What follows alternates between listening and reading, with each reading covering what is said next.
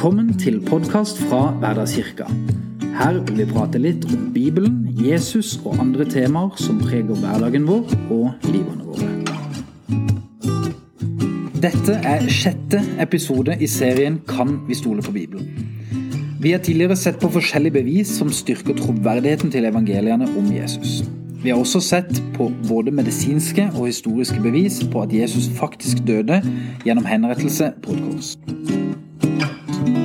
I forrige episode så, så vi på argumenter for at Jesu grav faktisk ble funnet tom på den tredje dagen etter at han døde, og at kroppen hans heller aldri ble funnet.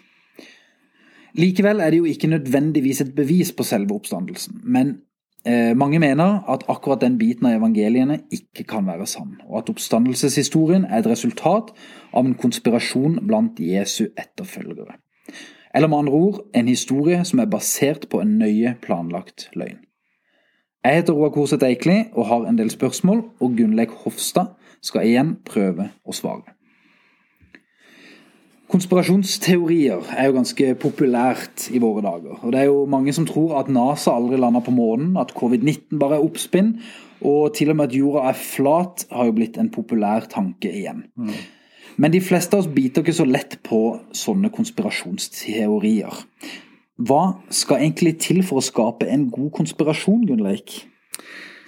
Ja, det er jo egentlig veldig vanskelig eh, å skape en konspirasjon som eh, skal klare å bli akseptert som en sannhet. Det er jo nettopp derfor de, de tingene som du nevner, er regna nettopp som konspirasjonsteorier. Mm. Altså teorier om at de er si, falske, oppdiktede historier som en gruppe mennesker prøver å få til å passere som en sannhet. Mm. Eh, så de fleste av oss tror jo faktisk at Neil Armstrong gikk på månen 20.07.1969. Eh, og de fleste rasjonelle nordmenn tror altså ikke på eh, konspirasjonsteorien mm. om at hele månelandingen er løgnpropaganda. Så samtidig så er det mange av de samme nordmennene som tror at oppstandelsen er en konspirasjon. Men la oss se på det. Det er en del forutsetninger for å skape en holdbar konspirasjon. Mm. Og Det første er at det, det, bør helst være et veldig lite antall konspiratører. Altså, Jo flere man er, jo vanskeligere er det å holde på en løgn. Mm. Jo færre som må lyve, jo bedre er det. Eh, og man har det herre ja, ordtaket, eller hva det er for noe, to mennesker kan holde på en hemmelighet hvis den ene er død. Ja. Så hvis vi lager en hemmelighet nå, så bør jeg drepe deg etterpå, så, så klarer vi å få folk til å tro det er sant. ikke sant? Eh, før eller siden så er det noen som røper det, når det er mange konspiratører. da. Så det er det ene. Det andre er at man må ha, altså konspiratørene må ha en, en eh, nøyaktig og fortløpende kommunikasjon.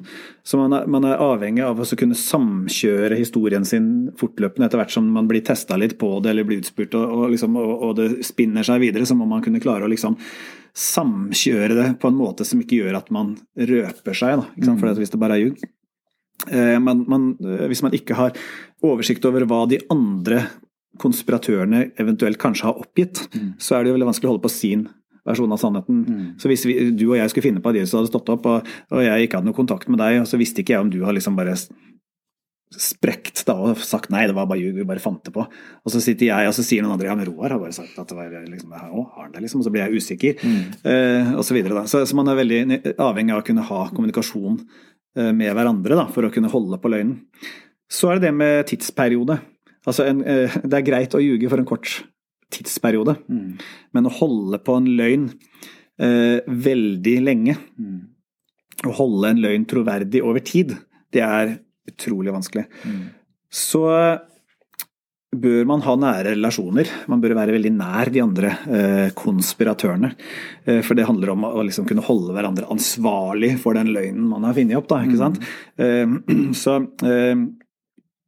jo nærmere vi er, om vi er familie eller slekt, og sånt nå, så, så er kanskje vi mer villig til å på en måte lide litt for løgnen vår, mm. for å ikke røpe hverandre osv. Så, videre, så hvis vi skulle skjule en kriminell handling, og vi var brødre eller noe sånt nå, så, så går jeg kanskje lenger for å lyve for deg mm. enn du var bare en litt sånn halvdårlig kompis. Ja. Ja.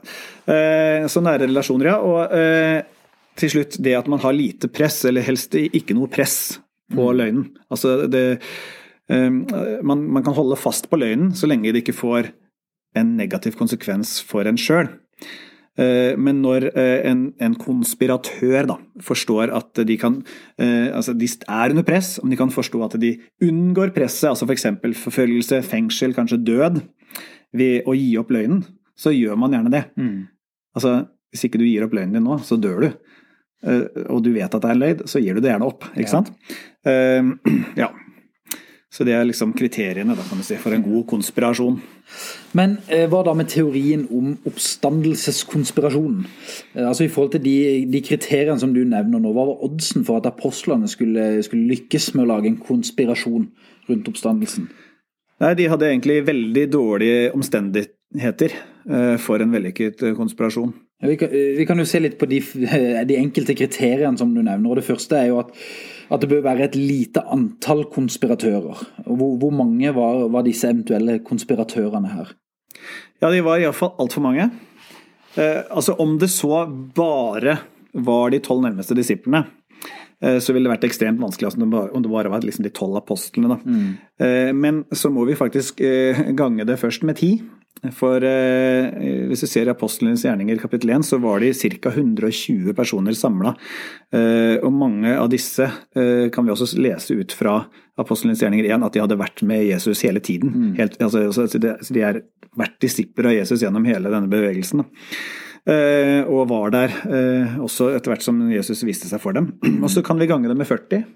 For det, eh, det, det, står om over 500 som så Jesus et, altså som oppstanden da, etter, mm. etter, korsfestelsen. Eh, dette kan du lese om eh, i 1. Korinterne 15. Og igjen, eh, de fleste av disse 500 er fortsatt i live når Paulus skriver dette her type 15-20 år etter. Mm. Så, så, han skriver det til et publikum som eventuelt kan fact-sjekke med overlevende øyenvitner. Ja. Så, så, så vi, vi, snakker altså om over 500 konspiratører som lyver eh, om å være øyenvitner. Mm. Eh, og hvordan skal de klare å samkjøre denne løgnen? Eh, det er ingen kilder som hevder at noen av disse første kristne eller noensinne gikk bort fra historien sin. Ikke engang for å unngå å bli henretta for det, da. Ja. Men hva så med, med neste kriterium, da, om at det må være nøyaktig og fortløpende kommunikasjon? Ja, det hadde de så å si ingen mulighet til. Altså, jeg kan si um, de ble tidlig spredt ut fra Jerusalem. altså Bare få år etter at kirken starta, så ble de, de ble helt fullstendig spredt ut eh, fra Jerusalem og handla i mange land. Eh, og de er spredt så langt eh, fra hverandre som Italia og India. Mm. Og det har jo ingen mulighet for å kommunisere med underveis. altså De kunne kanskje sendt et brev jeg vet ikke, altså, som kunne tatt månedsvis eller år for å komme fram osv. De ville på en måte aldri vite om noen av sine da eventuelt medkonspiratører hadde bukket under og gitt opp liksom, og sagt nei, ok, vi, vi jugde bare, det er ikke sant. Mm. Det er, liksom, Jesus han var død, og vi bare stjal liket, ikke sant, osv. Så, eh, så de hadde ingen mulighet for å, å ha en fortløpende og nøyaktig kom, uh, kommunikasjon. Mm. Ingen mulighet for å kan du si, justere historien eller tilpasse den liksom, underveis. da. Ja. Men, men hva, med, hva, med, neste kriterium, som er korttidsperiode? Ja, altså Den eneste korte tidsperioden her eh, var i så fall da eh, den tiden før apostlene ble spredt, som vi snakka om, da, mm. rundt over hele Sør-Europa og Asia. Eh, og den vanskeligste perioden for en eventuell konspirasjon ville jo, ville jo vært tiden etter at de ble spredt for alle vinner. Mm. Og denne tidsperioden, den varte jo resten av deres liv. Ja. Altså helt til nesten alle av dem ble myrda nettopp for akkurat det at vi fastholdt historien om at Jesus hadde stått opp fra de døde. Ja. Sånn som er hele essensen i kristendommen. Så de døde for troen sin, og essensen i troen er Jesus døde på korset, og han sto opp fra de døde og lever i dag. Ja. Uh, og det er det de døde for. Ja. Så, så, det varte resten av livet. Det var ikke noen korttidsperiode. men, men nære relasjoner, det må vi jo kunne si at de hadde? Ja, det hadde de. Uh, altså Noen av dem var faktisk brødre, og alle var de vel iallfall nære venner. Uh, men som vi sa, igjen, eh, de ble veldig fort spredt rundt over hele den kjente datidens verden. Så de hadde ingen mulighet for å følge hverandre opp eller passe på at de andre holdt seg til historien eller holde hverandre på en måte ansvarlig til løgnen. Ja. Ingen intern pressmulighet eller noe som helst, egentlig. Nei. Da er det jo det, det, til slutt eh, kriteriet om lite press, og det kan vel, det kan vel neppe hevdes at apostlene og, og, de første kristne var under lite press? Nei, uh, altså de, de, var jo under sterk forfølgelse helt fra starten av. Mm. Og opplevde egentlig da forfølgelse hele resten av livet pga. dette her. Vi vet jo, og vi har snakka litt om det i noen av de andre episodene også, at romerne lot kristne forhøres, og så ga dem en mulighet til å avsi seg troen sin for å unngå å bli torturert og henrettet. F.eks. historikeren Plini den yngre snakker om det her. Ehm, men dette var jo faktisk da hvordan apostlene endte sine dager. Mm. Eh, Peter, han eh, ble pisket og korsfestet opp ned i Rom i ca. i år 68. Eh, Andreas, broren hans, ble pisket og korsfestet i Patras i Hellas i 69. Eh, den ene Jakob, sønn av Sebedeus, han ble halshugget i Jerusalem. Philip ble korsfestet i Frygia i 52. Og Bartlomeus, også kalt Nathanael, han ble flådd og korsfestet i Armenia i år 72. Thomas ble torturert med piler og steiner og drept med spyd i Mylapore i India i år 73. Matteus, også kjent som tolleren Levi, han ble drept med sverd i Etiopia i 60. Jakob, den andre Jakob, sønn av Alfeus, ble kastet ned fra tempelet i Jerusalem, og så overlevde han det. Eh, og så ble han slått i hjel etterpå, eh, i år 62. Tadeus, som også ble kalt, eh, også het Judas, ikke han som forrådte Jesus, men en annen Judas. Mm. Han ble slått med klubber og hengt på et frukttre i 74. Eh, Simon Kananeos han ble saget i biter i Persia i 74, og Matias ble steinet og halshugget i Jerusalem i 63.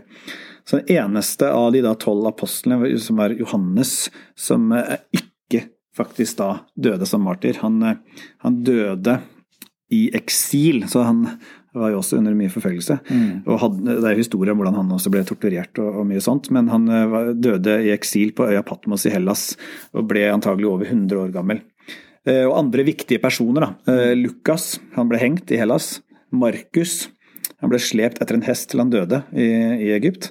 Og Paulus, han ble halshugget i Rom antagelig rundt år 64. Mm. Så du kan si dette er liksom, Og dette er bare de tolv pluss noen av de andre mest sentrale. Mm. Og så vet vi at det er mange mange andre kristne som var under mye av, mye av det samme presset. Mm. Sannsynligvis også mange av disse øyenvitnene.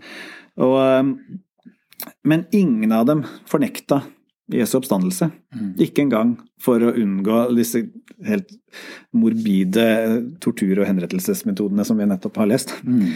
Så enten så var disse menneskene eh, verdensmestere, altså de aller flinkeste konspiratører som noensinne har levd. Eh, altså helt uten sidestykke i historien. Eller så var de faktiske øyenvitner som bare fortalte sannheten, bare fortalte eh, det de hadde sett. Mm. Og det siste er jo faktisk mye mer sannsynlig enn det første. Ja. Men du bruker nå uh, martyrdom som et argument for at apostlene snakker sant. Og det at noen er villig til å gå i døden for det de tror på, det er jo ikke alltid et argument for, for at det de tror på er sant. Det er Ta f.eks. terroristene som fløy inn i Twin Towers i New York mm. 11.9.2001. Det at de var villige til å dø for sin sak, betyr jo ikke at det de trodde på, var sant. Ja, det er helt riktig. Uh, og det er jo fortsatt eh, folk i dag som dør for det de tror på. Også kristne mennesker i dag eh, enkelte steder i verden som må bøte med livet pga. troen sin. Mm. Eh, og deres ja, martyrdom er jo heller ikke en demonstrasjon som beviser en sannhet, eh, men det beviser bare deres fulle tillit til noen andre sitt vitnesbyrd. Mm. Altså, de tror nok på noe til at de er villige til å dø for det. Mm.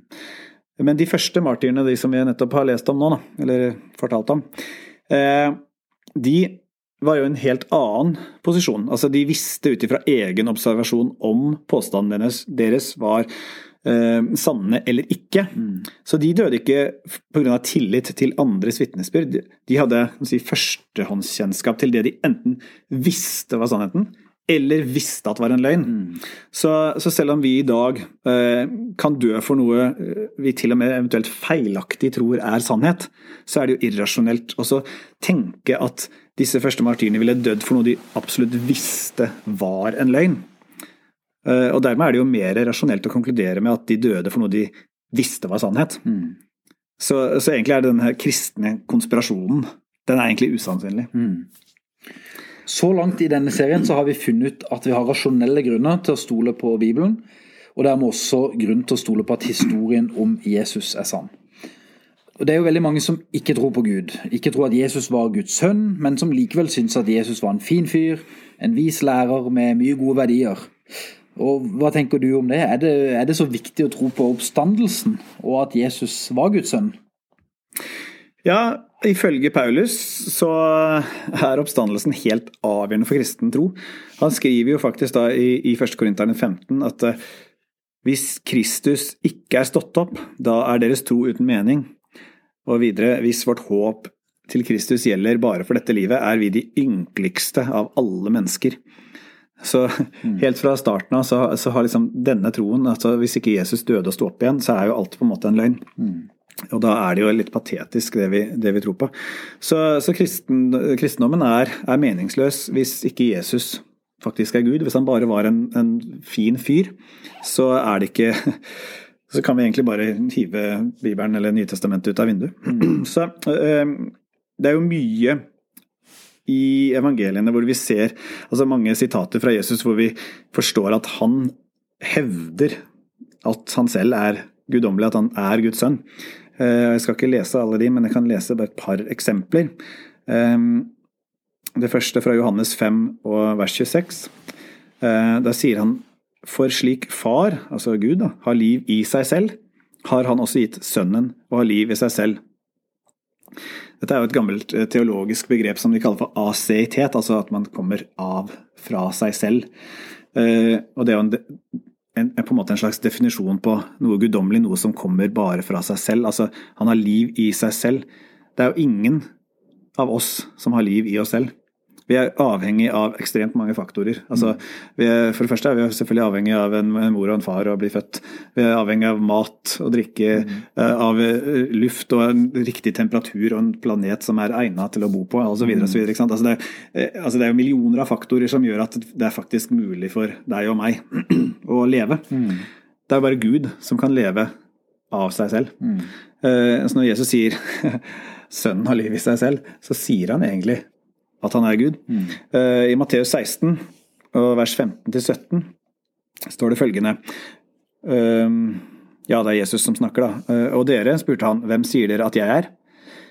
Da svarte Simon Peter, du er Messias, den levende Guds sønn. Jesus tok til orde og sa, Salig er du Simons sønn av Jonah, for dette har ikke kjøtt og blod åpenbart deg, men min far i himmelen. Så med andre ord, Peter sier veldig tydelig, du er Messias, den levende Guds sønn. Og Jesus bekrefter jo bare at dette er sant. Mm. Så, så, det er jo veldig klart ut fra evangeliene at Jesus han hevder å være Guds sønn. Og da er det jo faktisk sånn at det, det er jo enten bare sant eller usant. Mm. Det er jo ikke sånn at Jesus kan ha vært litt sånn halvgud eller litt gud. Eller, altså enten, det er jo ikke sånn at du er 50% Gud, liksom. Altså enten er du Gud, eller så er du ikke Gud.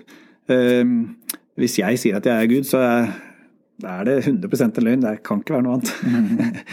men, men la, la, oss si at vi har to alternativer. Jesus da hevder å være Guds sønn. At han hevder at han er Gud, rett og slett. Så er det enten sant, eller så er det usant. Hvis det var usant, så har vi også to alternativer. Og det er det at Jesus visste sjøl at det ikke er sant. Ikke altså at han, han, han, hevder å være Gud, han, og det er ikke sant, men han vet at han ljuger. Mm. Da er han jo en, en, stor løgner og en hykler, eh, og egentlig en gal mann. For det, for det er liksom å, å, å klare å overbevise noen om at du er faktisk Gud, og få noen til å liksom gi livet sitt for det, det er jo sykt. Mm. Hvis ikke det er sant. Mm. og du vet at det ikke er sant. Så er det det andre alternativet at uh, han, han, visste ikke at det var usant. Altså han, han, hevder og han tror at han er Guds sønn. Det er ikke sant, men han tror at det er sant. Mm da hører han jo hjemme på en institusjon, for da er han jo gæren. Mm. da, da, er han jo så seriøst forstyrra. Mm. Han tror han er Gud, men han er det ikke. ikke sant?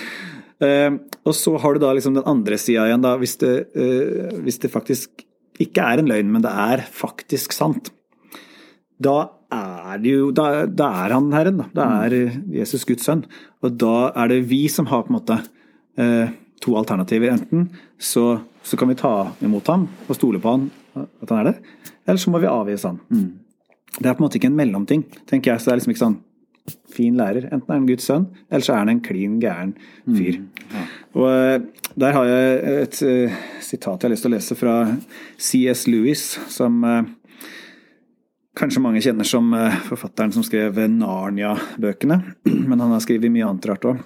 Annet en bok som heter Mere Christianity. Og Der skriver han følgende om akkurat dette vi snakker om her. da. Jeg prøver her å forhindre at noen hevder den virkelig tåpelige tingen folk ofte sier om ham, altså om Jesus. Jeg kan akseptere Jesus som en stor moralsk lærer, men jeg kan ikke akseptere hans påstand om å være Gud. Det er den ene tingen vi ikke må si. En mann som bare var en mann, og sa de tingene som Jesus sa, ville ikke være en stor moralsk lærer. Han ville vært enten en galning på nivå med en som tror han er et kokt egg, eller han ville vært djevelen sjøl. Du må gjøre et valg. Enten var og er denne mannen Guds sønn, eller så var han en gal mann eller noe enda verre. Du kan fortie ham som en dåre, du kan spytte på ham og drepe ham som en demon, eller du kan falle ned for føttene hans og kalle ham herre og gud, men la oss ikke komme med dette nedlatende tullet om at han var en stor menneskelig lærer. Han har ikke latt det være åpent for oss. Det var altså C.S. Lewis. Så eh, Jesus altså Enten var han en gal mann, seriøst forstyrra, eller en, kan si, en ondskapsfull forfører. Eller så var og er han faktisk Guds sønn som lever i dag. Og om det er sant, så, så må det uh, ha betydning for våre liv. Så vi kan enten velge å avvise ham, eller så må vi ta imot ham som vår frelser og ære. Vi lar det være de avsluttende ordene for denne episoden, og faktisk for hele, hele denne serien. Eh, og hvis du som har hørt denne podkasten har spørsmål eller noen innspill, så kan du ta kontakt med oss på post1hverdagskirka.no. Eller så kan du finne Gunnleik Hofstad eller Roar Korseth Eikli på Facebook og ta kontakt med oss der. Takk til deg som har hørt på oss gjennom alle disse seks episodene. Og så kommer vi snart tilbake med nye serier og nye temaer. Du har nå hørt en podkast fra Hverdagskirka. Følg Hverdagskirka på Facebook for oppdateringer om nye episoder og nye serier.